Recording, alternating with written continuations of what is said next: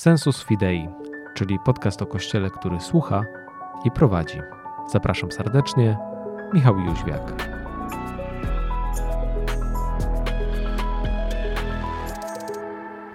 Witam serdecznie. Moim i Państwa gościem jest dzisiaj ojciec profesor Wojciech Kluj. Szczęść Boże. Szczęść Boże, witam serdecznie. Ojciec y, Wojciech jest y, misjonarzem oblatem, jest także misjologiem i chcielibyśmy trochę właśnie w takiej perspektywie misjologicznej dzisiaj te nasze tematy e, rozpatrywać. A zacząłbym od pytania o inkulturację, bo ten zmysł wiary, bo to jest cykl e, audycji, podcastów, który nazywa się Sensus Fidei, czyli zmysł wiary. Mm, to skoro Kościół ma być na ten zmysł wiary wyczulony, no to przecież musi być wyczulony w każdym zakątku świata, czyli tam również, gdzie ten Kościół e, funkcjonuje w Ameryce Południowej, w Azji, w Afryce, tam również e, trzeba doszukiwać się i być wyczulonym na to, co, co przedstawiciele Kościoła, co wierni Kościoła katolickiego e, mówią, myślą, czują, także właśnie w kategoriach wiary. I chyba mocno wiąże się to z tematem inkulturacji. Jakie są, czym jest w ogóle inkulturacja? Może od tego zacznijmy.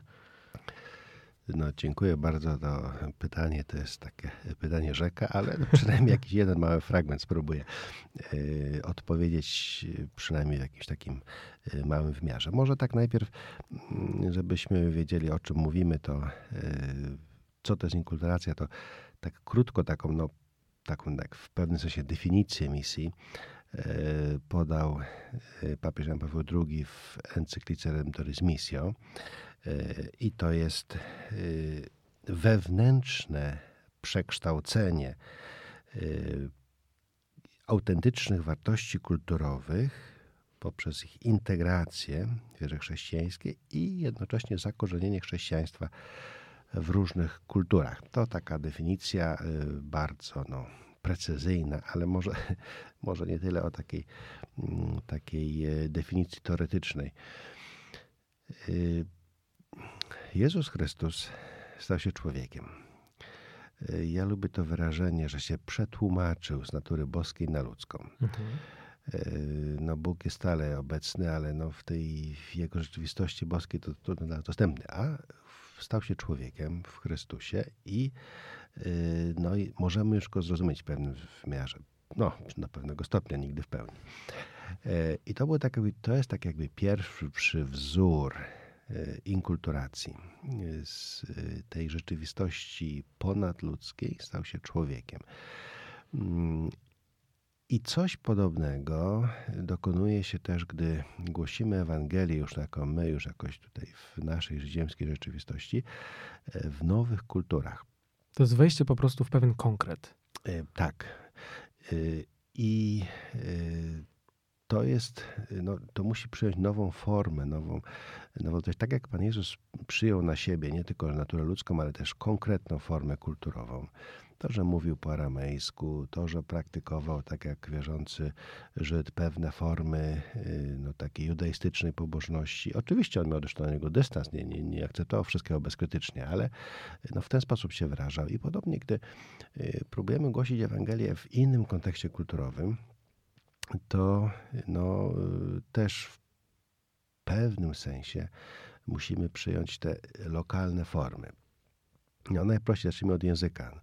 No, nikt dzisiaj nie będzie na przykład na Madagaskarze mówił po polsku, no bo, bo kto go zrozumie? No więc musi przyjąć już pewną formę. Na przykład język to jest taka najpierwsza forma, może też zresztą e, przez papieża w tym miejscu o inkulturacji no, najpierw wymieniona właśnie język. I to no, rozumiemy, tu nikt się temu nie, nie, nie dziwi, a oczywiście, e, oczywiście no, język nie ma tłumaczenia jeden do jednego. Mhm. No właśnie, bo już w języku jest zawarty kod kulturowy, już są pewne konsekwencje, które rzutują później na całe um, patrzenie na świat. Dokładnie i dlatego y, mówiąc o wierze, czy chcemy, czy nie chcemy, no my tutaj akurat w Polsce jesteśmy Europejczykami, jesteśmy Polakami i no my nie możemy wyjść spoza naszych y, form rozumienia naszej wiary. My po prostu no, jesteśmy tym, tym przesiąknięci. E, I dlatego, gdy y, no, spotykamy się z inną kulturą, już wspomniałem ten Madagaskar, ale to oczywiście może być też inny y, przykład. No, my nie możemy wyjść spoza tych, ale y, o ile pewne podstawowe formy wiary są mniej więcej katechizmowo przetłumaczone, O tyle już, gdy mówimy na przykład o takich formach po, pobożności popularnej, no raczej to tak na wyczucie rozumiemy, że przecież nie trzeba uczyć na Madagaskarze polskich godzinek, czy jakiś powiedzmy apelu jasnogórskiego. Chociaż z drugiej strony pewne formy mogą być pobożności, na przykład no, kult Bożego Miłosierdzia. A więc tutaj już jest tak jakby pierwszy próg, że co z tego, co my mamy, jest podstawowe, dla nas istotne dla wiary, a co jest takim jakby dodatkiem, który no może być zrelatywizowany. No ale to jest taka wielka y, domena, że nie chciałbym wchodzić w chwili w te teoretyczne sprawy, więc może przejdę do konkretnego przykładu, mhm. skoro wspomniałem o języku. No weźmy taką najbardziej podstawową dla nas modlitwę Ojcze Nasz. Pan Jezus nas jej nauczył i tutaj raczej nie ma wielkiej możliwości, wydaje się, no, interpretacji. Mhm. Chociaż y, ostatni przypadek tłumaczenia na język francuski i decyzja papieża Franciszka o tym, żeby zmienić tłumaczenie jednak, mm. pokazuje, że tutaj jest nawet pole do, do pewnych zmian. Y, no właśnie do tego zmierzam, tylko może nie chcę tutaj w tej chwili interpretować mm -hmm. wypowiedzi papieskiej. Tutaj no ja się na tyle nie czuję kompetenty w, w specyfice języka francuskiego czy, czy, czy włoskiego, żeby o tym mówić. Być może właśnie tutaj w tych językach, ludzie modlący się w tym języku lepiej tak czują. To, to, to w tej chwili nie chcę tego wątku tutaj poruszać. Natomiast yy, może weźmy mniej drażliwy przykład, mm -hmm. bo to może na inny temat. Yy, no chleb. Mówimy chleba naszego powszedniego daj nam dzisiaj. Yy, I oczywiście rozumiemy, że na Madagaskarze jest podstawowym takim pożywieniem jest ryż, czy tam w niektórych kulturach mogą być inne takie. Niektórzy próbowali foki powszechnej wśród Eskimosów. W każdym razie wśród Inuit. Yy, ale yy, chleb ale nawet w naszej kulturze przecież słowo chleb wcale nie jest takie jednoznaczne. Bo y, jeśli sobie tak troszeczkę spróbujemy zagłębić się w historię chleba, jak to się rozwijało, jak, co było tym podstawowym pokarmem y, no, z, z mąki, powiedzmy, robiony, y, to ten chleb, jaki używał Pan Jezus, był inny. Mm, to myślę, że mogło w pewnym sensie bliższe naszej pizzy współczesnej. Nie? E, czy y, w historii przecież to modlitwą się modli ludzie przez 20 wieków. E, przecież w pierwszych wiekach to wyglądało trochę inaczej. To też były różne pokarmy, te, te główne. E, potem przecież ile kryzysów społecznych, y, nawet później XV, XVI, XVII, XVIII wiek wynikało z tego, że na przykład brakowało chleba tego podstawowego posiłku, czyli były też inne formy. Dzisiaj, no przecież też mówimy, no mamy francuską bagietkę, mamy ten chleb z tymi różnymi dodatkami, z tam takimi zbożami, takimi ziarnami i takie inne. Albo mamy taki chleb do tostów, do innych, czy kołacze. Czy... To nie jest jedno, to jest to już, z jednej strony to jest konkretny pokarm, ale z drugiej strony dla wielu osób to jest y, no, coś innego mają na myśli, mówiąc chleb. Mhm.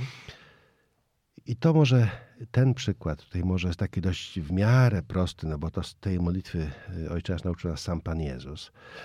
Y, już nie wchodzę w tej chwili na przykład właśnie tam o, o kwestię, czy królestwa, yy, przyjdź królestwa Twoje, jak rozumiemy królestwo, czy jako teren, czy jako pewne no, panowanie, czyli też nad sobą, nad, nad, pozwalamy, że Pan Bóg pan, panował nad moimi też sprawami, tymi złymi.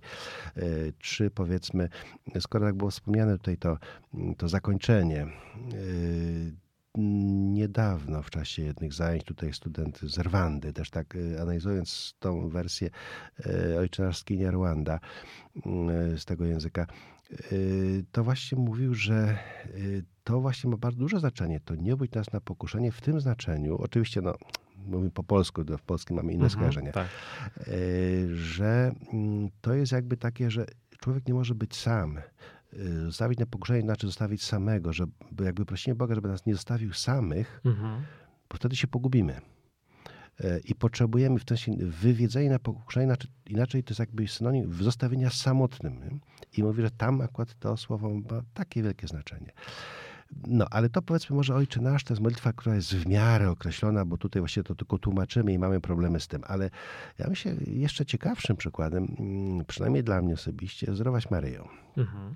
Dlaczego? Dlatego, że tutaj mamy nakład, nałożenie się kilku spraw i właśnie w tym wymiarze szczególnie ten e, sens, zmysł wiary, to sensus fidei, to pięknie wychodzi. Ja, e, może będzie okazja jeszcze kilka razy tego nawrócić, bo to jest kilka, ja tak tylko w tej chwili jeden, drugi temat chciałem poruszyć, natomiast tych zagadnień jest więcej. No przede wszystkim wiemy, że początek modlitwy Zdrowaś Maryjo to są dwa fragmenty biblijne. Pozdrowienie, czy początek pozdrowienia Maryi przez Gabriela i pozdrowienie Elżbiety, czy też fragment pozdrowienia mhm. Elżbiety, mhm. znaczy Maryi przez Elżbietę. Tak.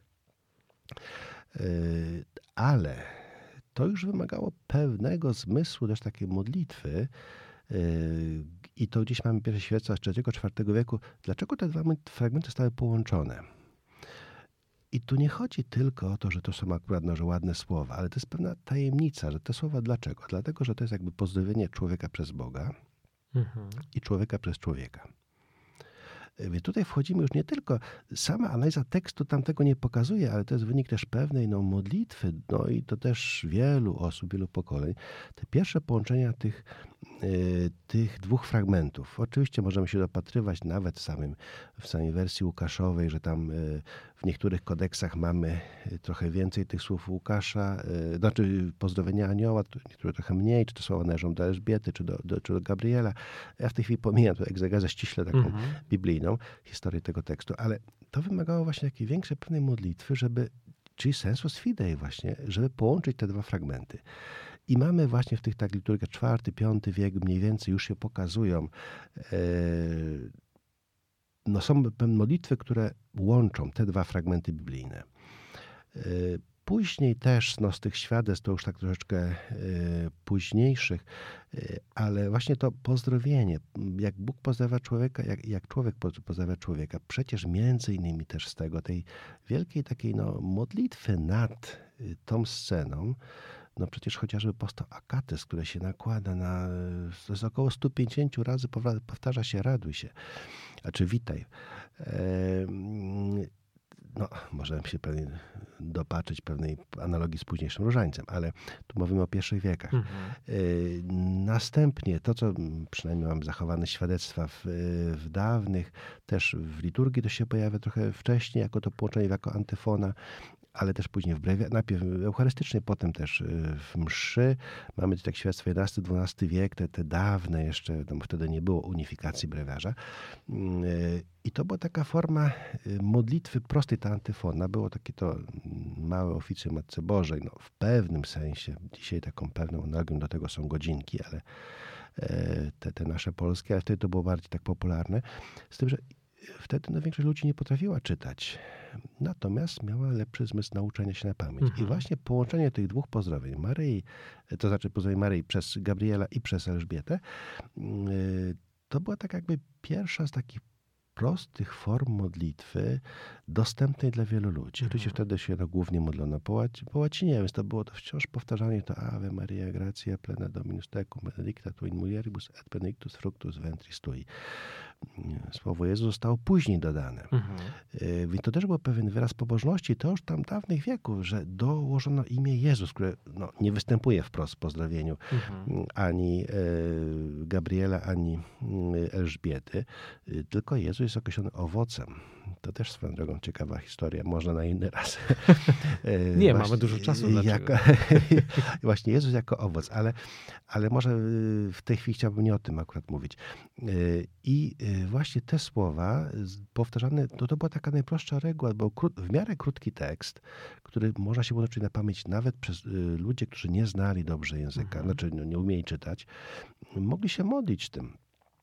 Y, to dopiero potem kolejne wieki dołożyły, tutaj nie chcę robić tej chwili całego streszczenia tej modlitwy, jak się rozwijała, ale, y, ale w kolejne wieki no, zaczęły dodawać, bo to było się pozdrowienie. No, jak przychodzę do kogoś, to się witam najpierw. Nie, nie przychodzę od razu, mówię, chcę to, czy to, chcę tamto, ale no, witam serdecznie ten gospodarza, czy kogoś. Tak samo tu jest też ta modlitwa, mm, zaczynająca się pozdrowieniem, no z czasem znowuż wyczucie wiary y, ludzi, to, to, było, no to było modlących się chrześcijan przez wieki, to nie był jeden, jeden drugi pomysł. Zaczęto dodawać prośby do tego. Mhm. Y, no módl się za nami. Też tam mamy różne wersje w tych jeszcze wiekach. Potem y, dochodziły no kolejne, mm, módl się za nami grzesznymi, teraz w godzinę śmierci naszej. To mamy dzisiaj, ale to się kształtowało, były różne tamte, e, zanim się ta ostateczna forma, no, która się później przyjęła już w no, Piubrywerzu kapłańskim, później mm, też w innych formach, e, to trochę trwało i dodawano różne prośby. I znowuż tutaj, no bez skracania całej historii, ale mnie też fascynowało, dlaczego na pobożność chrześcijańska, czyli właśnie do sensu fidei, dodawało po kolei takie, takie sprawy. Przecież nawet to, ta druga część już później, już nie biblijna. Święta Maryjo, no raczej nikt, nikt nie kwestionował, że no Maryja jest zawsze święta, tutaj najświętsza, bo najbliżej Boga. Mm, ale dalej, Matko Boża. No, gdy tak odmawiamy wiele razy zdrowaś Maryjo, to, to, no, to jakby trochę z automatu nam się wychodzi. A Matka Boża, Matka Boża, bo mhm. zwłaszcza w mhm. języku polskim właściwie ten termin tak się zakodował kulturowo głęboko, że mówię Matka Boża z Fatimy, z Lourdes, z Guadalupe, czy, czy z no, jakiekolwiek sanktuaria. Natomiast y, tak wcale nie było w niektórych kulturach, na przykład francuskiej czy angielskiej, się mówi nasza pani, mhm. Our Lady czy Notre Dame. Włosi mówią moja pani, no, y, Madonna. Nie? Mhm. Y, więc w naszej kulturze też weszło głęboko ten tytuł Matka Boża. Ale ten tytuł Matka Boża to też jest tytuł, który ma odniesienie do pierwszych wieków. To były też te dyskusje pierwszych wieków. I wydaje się, że to jest tytuł niby maryjny. Mamy uroczystość Boże Rodzielki 1 tak. stycznia. A tak naprawdę to jest tytuł bardzo chrystologiczny. To, że wierzymy w Boga, który stał się człowiekiem. Boga, który miał matkę. I znowuż tutaj bez wchodzenia całą streszczenie historii, bo to była długa też historia, czyli Bóg, który był człowiekiem, no to, to, to, e, to może też na jakąś inną historię same, e, te, te starożytne, e, ale nawet dzisiaj Bóg, który miał matkę, no dla nas to już wiadomo, to się wkodowało, w kod kulturowy głęboko weszło i nas to nawet nie dziwi, ale skoro mówimy trochę o inkulturacji, to no przecież w niektórych kulturach, na przykład afrykańskich, akurat mam trochę kontakt z niektórymi tutaj z księżmi z kilku krajów Afryki, sama pozycja najpierw to, że mm, czy Bóg może mieć matkę, bo to w różnych kulturach mhm, też były, tak. powiedzmy, y, ale też ta pozycja, no Bóg tutaj jak, jako król, że matka króla to jest też bardzo ważna funkcja i to jest taka tytuł jakby automatycznie nadawany Maryi, takiej jakby mm, osobie, y, wiadomo, że niedecyzyjnej, ale bardzo ważnej. Nawet w jednej z kultur niedawno słyszałem, mm, że jeśli król nie ma matki, oczywiście zmarła, to mianuje się jakąś osobę, która ma pełnić rolę matki króla Aha. tradycyjnego, bo to jest taka ważna rola. To jest inna mhm, oczywiście, no tak. władza należy do króla, Jasne. ale yy, więc tutaj też, no to tak tylko kilka kulturowych tych odniesień do, do tytułu yy, Matka Boża. No, no, to też mógł być na kolejny, właśnie na, na, na, na to wyczucie sensu wiary, to w sensu fidei. Mhm. A to ja bym chciał jeszcze zapytać wobec tego o granice inkulturacji. No, czy one gdzieś są? No bo jeżeli Kościół naucza konkretnych e, rzeczy, liturgia też jest w sposób konkretny ukształtowana, to w takim razie należałoby zapytać, gdzie jest ta granica. Tutaj wielu, o pytań, wielu to, to pytanie o granicę inkulturacji stawiało przy okazji e, synodu amazońskiego, mamy w Watykanie. E, czy, czy tutaj rzeczywiście mm, należałoby wytyczać jakiekolwiek granice, czy one po prostu są płynne, one są trudne do ustalenia? Mówimy o zmyśle wiary. To nie Więc jest... to jest chyba nieustanne po prostu nastawianie uszu. No właśnie i tutaj jest po prostu, mm, spotykamy się z pewną tajemnicą. E, jeśli nawet e, papieże bardzo rzadko korzystają z tego no, przywileju swojej niemylności decyzji, to tym bardziej nam raczej się przydałaby taka lekcja większej pokory. Oczywiście są pewne ale y, no, my raczej nie jesteśmy kompetentni, żeby je określić indywidualnie. Mhm. Y, są, jest, roznaje dokonuje wspólnota wiary. Ja często lubię podkreślać, modląca się wspólnota i to też taka większa, nie tylko kilku ludzi. To jest właśnie kwestia i dziesiątek lat pewnej modlitwy i pewnych kręgów takich właśnie, które no lepiej rozumieją swoją kulturę, które mogą określić, że tak czy inaczej. No właśnie chociażby te spory, powiedzmy, y, no Chrystus był Bogiem, był człowiekiem, y, czy w pełni był, tam dyskusje pierwszych wieku, w pełni człowiekiem, czy w pełni Bogiem, jak to tam mieszało się w osobie, natury i tak dalej.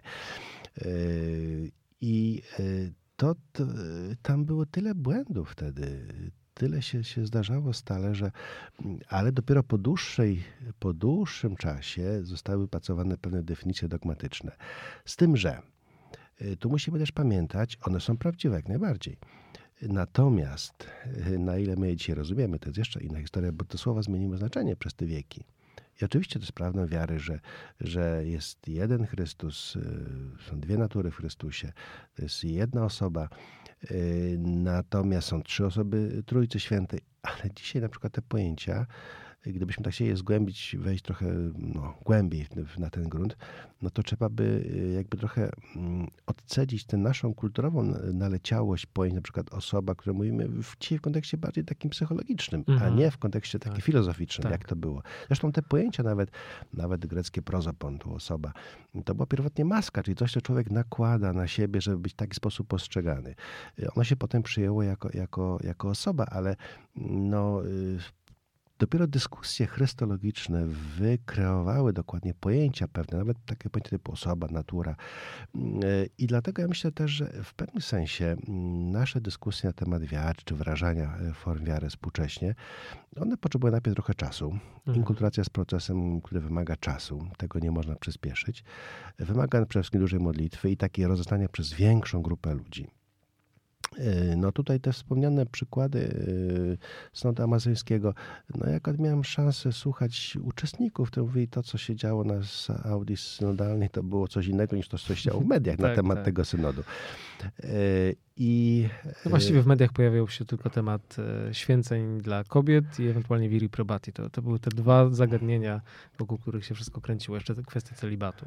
No właśnie, a to były takie peryferyjne, one tak. nie stanowiły istoty tam, no, pokazywały tamtejszy kontekst. Mhm. Natomiast, natomiast nie, no, to nie była istota synodu. I dlatego tutaj no, to był na pewno symbol zrozumiały dla pewnej grupy. Mhm. Dla pewnej grupy osób żyjących w Amazonii, który budził pewien szok y, dla innych osób, y, nie znających tego kontekstu. No ja nie czuję się ekspertem od, od spraw Amazonii, żeby tak, tak dogłębnie to przeanalizować, ale to nie było, to nie budziło sprzeciwu dla tamtejszych ludzi zasadniczo. No, może taki podam przykład, że mm, y, czasem się niektórzy buntują, że tam na przykład jakieś no, y, padze, kalenie, palenie kadzidła na przykład tam przed posągiem Buddy czy przed innym, to jest ma być bałwochwalstwo, a palenie sobie kadzidełka w domu nie. Albo y, stawianie powiedzmy tam jakiś y, no, świeczek przed posągiem Konfucjusza. A propos, Konfucjusz nie był Bogiem, był nauczycielem tak. tego, ale y, a palenie zniczy u nas nie ma. Czy ten kult jest y, zmarłych tamtejszy jest niedopuszczalny, a nasz jest dopuszczalny, nie? Bo my wiemy, że to jest, to nie czcimy jako mhm, świętych, tylko tak. chcemy, no, modlimy się za nich.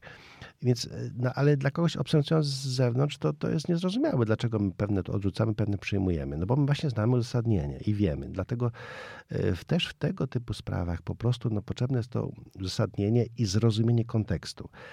E, być może pewne formy są lokalnie zrozumiałe, niezrozumiałe gdzieś indziej. Być może to wymaga pewnego głębszego wyjaśnienia. Ja nie wiem, czy to się przyjmie, czy się nie przyjmie, bo to no, nie jestem w stanie ocenić. To musi tamtejsza lokalna wspólnota ocenić. Mhm. E, natomiast e, no to są takie chyba też dla nas przejawy. Myśmy się za bardzo, to znaczy to też historia Kościoła XIX, początek XX wieku, myśmy się nauczyli takiego troszeczkę, no też dalszy skutek, może poreformacyjny, takiego jasnego, rygorystycznego określania pewnych granic, e, no w formie takiej łacińskiej. E, przed Soborem Trydenckim Kościół nie był aż tak bardzo zlatynizowany. To było, później to była taka reakcja jakby na, na protestantyzm, na wystąpienie Lutra i kolejne. Wcześniej tego nie było, ale to uderzyło misję. No bo mhm. e, rzeczywiście do dzisiaj w wielu krajach się wypomina, żeby się za bardzo latynizowali, wprowadzali łacińskie, no nie tylko język do liturgii, ale też pewne zwyczaje. E, po prostu tego za dużo było e, i, i po prostu po prostu nie możemy tak do końca. I to jest zrozumiałe dzisiaj. Natomiast natomiast określenie pewnych granic tak, tak, tak jasno, to, to, to, to nie jest taka prosta sprawa, bo dzisiaj no, są też pewne trendy, na przykład w kulturach, powiedzmy, czy w teologii azjatyckiej, które chciałyby pójść no, bardzo daleko w dialogu z religiami, mhm. z innymi religiami. No i tu też się rodzą pewne nowe pytania, których nie było kiedyś i te nowe niektóre odpowiedzi, no trudno nam ocenić. No, wiemy, że z niektórymi na przykład książkami autorzy mieli problem, nawet byli tak troszeczkę wzywani na rozmowę no, do Szymu, e, czy tam ojciec Dupuy, czy inni. To jest pewien proces rozeznawania. Nie? I ostatecznie to nie jest kwestia, czy jeden, drugi mądry teolog coś wymyśli, tylko czy to się przyjmie w formie takiej pobożności. No, mhm. Może tak, skoro o Indiach mowa, no, jedną z takich form próby wejścia w kulturę Indii są aśramy, nawet chrześcijańskie, nawet jeden oblacki jest też. E, I e, są to pewne formy, które no nas czasem szokują. One też nie, nie przyjmują się chętnie nawet wśród wielu y, chrześcijan Indii. Oni to uważają, że to jest takie za bardzo tutaj wchodzenie, że oni tak, chcą, wolą przyjąć taką łacińską formę. Mhm to nie, nie mnie oceniać, komuś, kto żyje w innej kulturze, nie zna tego kontekstu tak, tak daleko. Także yy, to jest decyzja, którą muszą podjąć lokalne wspólnoty. Oczywiście tam no, na pewnym etapie to będzie decyzja biskupów, co jest dopuszczalne, co niedopuszczalne, na przykład w liturgii czy w prywatnej, w prywatnej pobożności. Yy, natomiast także to jest ocena, tylko że to, to się dokonuje troszeczkę powoli, nie tak od razu yy, i to muszą lokalne wspólnoty. Natomiast jeśli są jakieś formy, na no, powszechne, no to też na pewnym etapie będzie konieczna jakaś taka ocena no, Kościoła powszechnego. Z tym, chciałbym dodać, y, jakby może kończąc tą część tutaj powiedzmy mhm. wypowiedzi, y, myśmy się nauczyli co jest z perspektywy, że my wiemy w Europie lepiej. No właśnie o to chciałem zapytać. Tak. A to powoli już staje się historią. Jeszcze, o ile dobrze pamiętam, w roku 1900 85% chrześcijan żyło w Europie i Ameryce Północnej o tyle w tej chwili to już jesteśmy poniżej 50%, mhm. a przy obecnym procesie, to znaczy też takim i trochę no, zmniejszenia się ludności Europy i wzrostu wspólnot chrześcijańskiej, która wiara chrześcijańska stale liczebnie wzrasta, e, ale właśnie tutaj w Afryce, Amery, e, zwłaszcza w Afryce, w Azji, my stajemy się już pewnymi peryferiami Kościoła. No właśnie, bo my tak bardzo polskocentrycznie, ewentualnie europocentrycznie patrzymy na Kościół, a tymczasem no właśnie e, Kościół jest powszechny i ten Kościół na misjach e, jest Kościołem e, często trochę innym niż ten, który, który znamy na co dzień z naszych obserwacji. I chciałem wobec tego zapytać, no bo my znamy tutaj ten Kościół europejski dosyć dobrze, powiedzmy. Widzimy, że jest w kryzysie, ale czy to oznacza, że cały Kościół powszechny jest w kryzysie? O, to jest właśnie też kolejne wielkie pytanie, które można by kiedyś szerzej rozwinąć. Ja tak spróbuję krótko odpowiedzieć na to pytanie. Yy, inkulturacja to jest właśnie wcielenie Ewangelii. Yy, ale w kulturę lokalną, miejscową. Yy, jeśli kultura jest słaba, krucha, no to nie ma w co Ewangelia wcielić.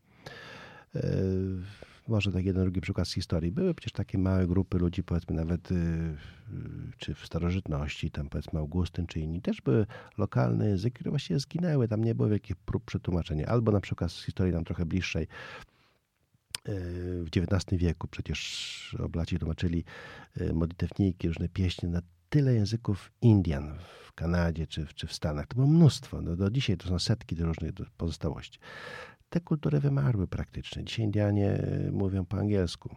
Mało kto już tam zna te lokalne. A więc no nie mogło się Ewangelia wcielić. Nie? Zwracając do naszej sytuacji. Jeśli kultura w Europie przeżywa poważny kryzys w tej chwili, tożsamości zupełnie, e, no to Ewangelia nie ma się w co wcielić. Ewangelia się może wcielić tam, gdzie jakaś, jak są jakieś no, mocne ramy kulturowe, jakaś taka, taka e, silna. Tutaj język jest jeden z wymiarów, powiedzmy, ale też no, inne pewne wartości kulturowe. I dlatego y, ja uważam, że kryzys, który widzimy dzisiaj w kościele w Europie, już trochę uogólniając, jest kryzysem kultury. Mhm. Jeśli kultura się nie y, wzmocni, nie rozwinie, to padnie też ta forma kulturowa. I tak jak na przykład, no, obym był zły prorokiem, nie chciałbym, żeby tak było, ale yy, no tak jak pierwsze tysiąc lat wiary, nawet i tak jeszcze do XIV wieku, największym, o powiedzmy od V do XV wieku, największym środkiem wiary chrześcijańskiej był wschód, Bizancjum. To była kultura grecka. Dzisiaj patriarcha Konstantynopola to jest taki trochę symboliczny, symboliczna rola. My jesteśmy przyzwyczajeni do potęgi papieża rzymskiego. Hmm.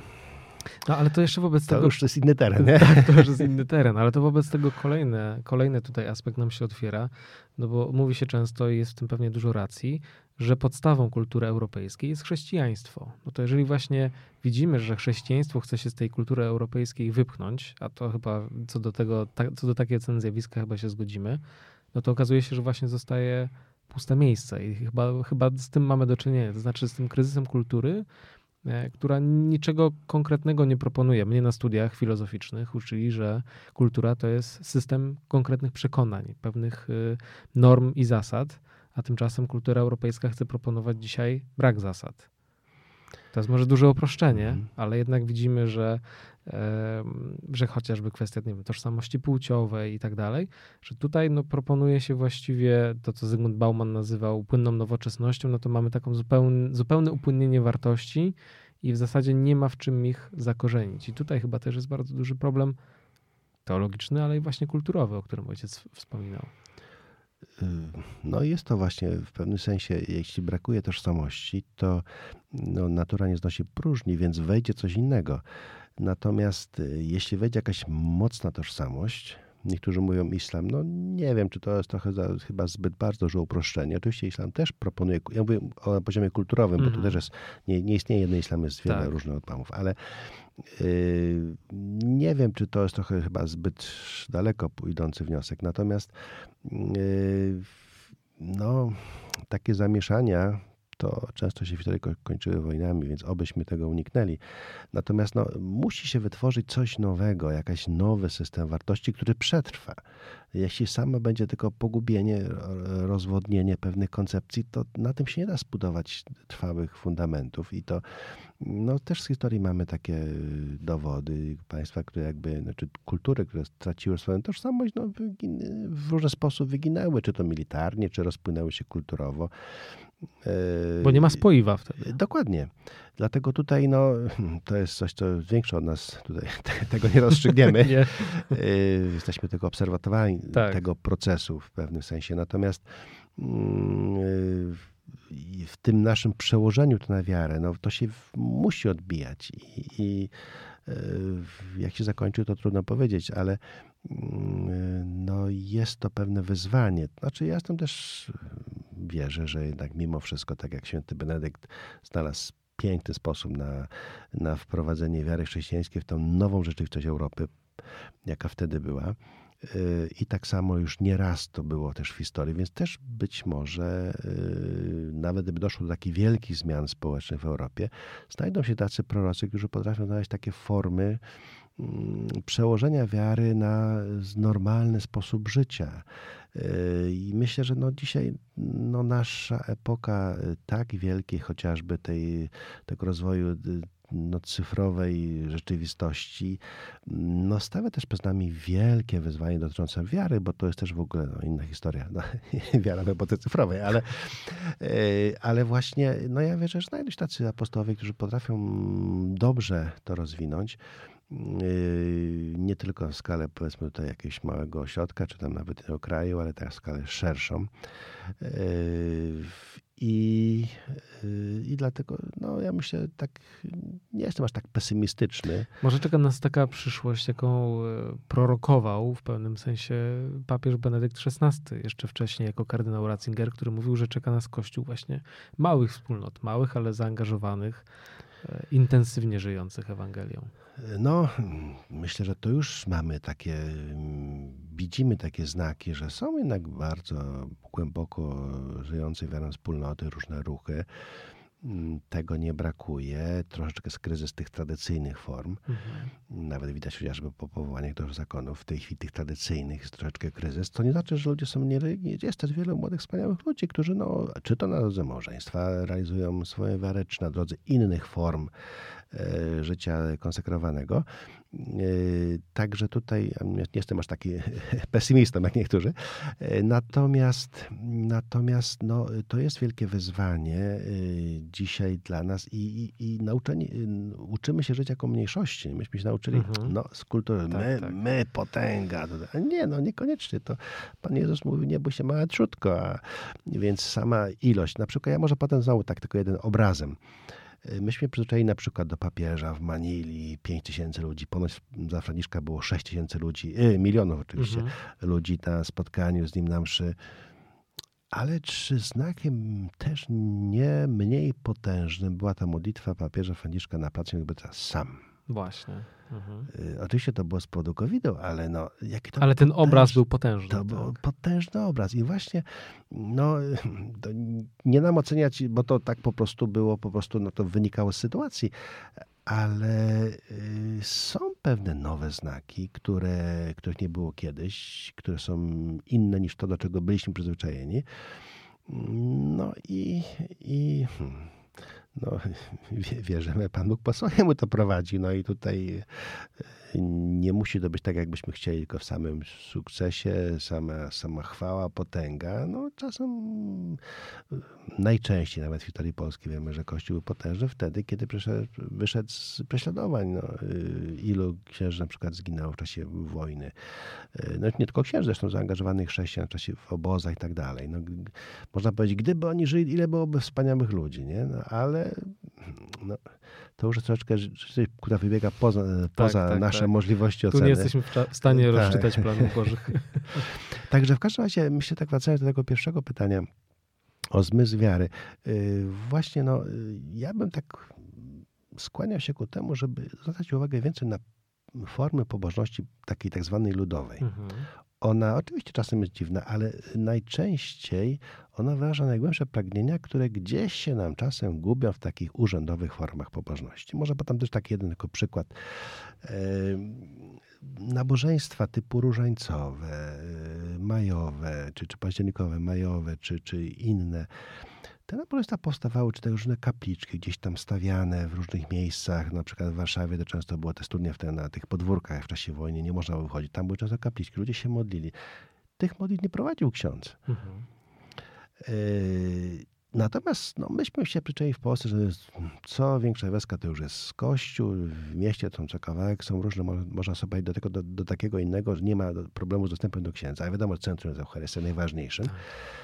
Ale przesunął się akcent na przykład nabożeństwa, no powiedzmy zostały majowe czy październikowe, się jakby dokleiły do mszy, no bo wiadomo, msza jest ważniejsza, ale i tutaj wtedy jest ksiądz, więc w zasadzie straciła się, znaczy prowadzącym, yy, straciła się ta, ta, ten cały zmysł takiej popularnej wiary, nie skoncentrowanej przy księdzu, nie skoncentrowanej tylko na Eucharystii. Nie? Mhm. I trochę właśnie z wyboru osób świeckich, że trochę gdzieś jakby pozbyliśmy się, może my jako osoby świeckie właśnie odpowiedzialności, może ten zmysł wiary też przestał być dla nas aż tak ważny, a chyba ważne jest to, żeby to odkrywać, żeby widzieć w sobie, że z samej mocy chrztu mamy powołanie do tego, żeby, żeby trzymać Kościół oczywiście w naszej, na, na, na, w ramach naszych możliwości, na swoich barkach. Chociaż ten lokalny, mały, na tyle, na ile to tylko jest możliwe. Y, no właśnie. I tą wiarą się dzielić też właśnie w tej, w tej lokalnej społeczności. No właśnie i na przykład kiedyś to była taka, no y, mówimy, że tak to niby kulturowe, ale właśnie to było takie uczenie wiary, nawet powiedzmy czy w rodzinie, czy tam, no nie niekoniecznie tylko rodzina, ale tam w takim no, w grupie powiedzmy, czy to wioska, czy jakaś tam dzielnica, Y, a potem tak by stał gdzieś przesunięty na, na barki księży, którzy mhm. to lepiej czy gorzej, ale, y, ale y, to, to jest pewna, to była specyfika, kiedy w Polsce nie brakowało księży, nie brakowało kościołów. -huh, uh -huh, tak. Natomiast no, w innych krajach, tam gdzie jest bardzo mało księży, tego i to, ja myślę, że oczywiście centrum zawsze Eucharystia, ale, ale no przecież nawet, czy na Madagaskarze, czy w wielu miejscach, tam jest msza dwa razy w roku. Nie? I to, co jest ważniejsze? Y, powiedzmy msza y, w piątek trzeciego tygodnia Wielkiego Postu, gdzie jest ksiądz, jest Eucharystia. Trzy, Wielkanoc, kiedy nie ma księdza. Nie? Albo tak przekonają nasze warunki w tej chwili polskie.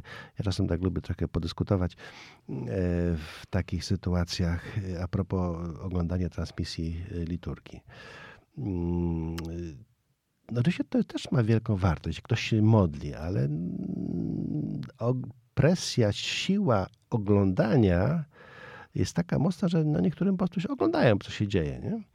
E, I ja wtedy tak mówię, a próbowałeś wziąć do ręki Pisma Świętej samemu się pomodlić. Mhm. No właśnie, chciałem powiedzieć, że być może takim impulsem, e, oczywiście nieoczekiwanym i nie do końca przyjemnym, ale wyrywającym nas trochę ze sfery komfortu i bardzo dobrze jest pandemia, bo ona też pokazuje błogosławieństwo domu, nie można przyjąć kolendy. Parafie proponują, e, u mnie w parafii na przykład są rozdawane ulotki, w jaki sposób taką liturgię domową przygotować, w jaki sposób odmówić modlitwę błogosławieństwa domu, całej rodziny. E, zresztą całe Triduum Paschalne też była przygotowana strona internetowa Święta w domu, która pokazywała, w jaki sposób w domu można e, Triduum Paschalne w domu, nie mogąc iść, iść do kościoła, w domu przygotować. I to też chyba pokazuje i trochę może być takim impulsem do tego, żebyśmy zrozumieli, że z samej mocy chrztu my też możemy tą wiarą żyć i nie tylko liczyć na to, że, e, że ksiądz jeden czy drugi w parafii za nas coś zrobi czy przygotuje. No właśnie, to jest takie, to jest wielkie wyzwanie. Ta pandemia jest wielkim wyzwaniem do przemyślenia pewnych spraw i oczywiście, no, może nie każdy pomysł od razu tego, tego typu się przyjmie, mhm. ale, ale z, no, z tego, z tej wielkiego wyboru różnych pomysłów, niektóre się przyjmą jako, jako zupełnie dobre i yy, no, myślę też takim, no nie wiem czy znakiem, to, to nie chcę to oceniać tam w tym wymiarze wielkich znaków, ale y, w pewnym sensie no, liczba księży w Polsce maleje. A więc w pewnym sensie czymś naturalnym będzie, że będzie coraz większy udział osób świeckich, co jest coś, czymś normalnym. Dla nas to się wydawało dziwne. Wiadomo, w czasach nakoństycznych to było trochę niebezpieczne, więc jakby księża brali trochę na swoje barki. -hmm. Ale e, gdy teraz się zmieniły, wcale wszystkiego nie muszą księża robić. Mm, a nawet niekiedy dobrze byłoby, żeby nie robili wszystkiego. E, mają swoje, powiedzmy, pole. E, I e, no, to jest takie wielkie wyzwanie, które no, zobaczymy, co z tego wyniknie. Natomiast e, zmusza nas do przemyślenia pewnych właśnie form przeżywania wiary, czy no właśnie, może znalezienia jakichś nowych form. No, myślę, że tutaj właśnie to wyzwanie, wyzwanie związane z pandemią no, z niesamowicie wielkim rozwojem tych mediów, środków społecznościowych, społecznego przekazu e, i też te, no nawet przecież zmienia się chyba troszeczkę rola telewizji w tej chwili. Nawet w naszym kraju to widać. To, tak. to co dzisiaj, to nie jest to, co było kiedyś. Chociażby no, różne te podcasty inne zajmują sporą część. Ludzie mhm. no, w pewnym sensie coraz mniej oglądają klasycznej telewizji.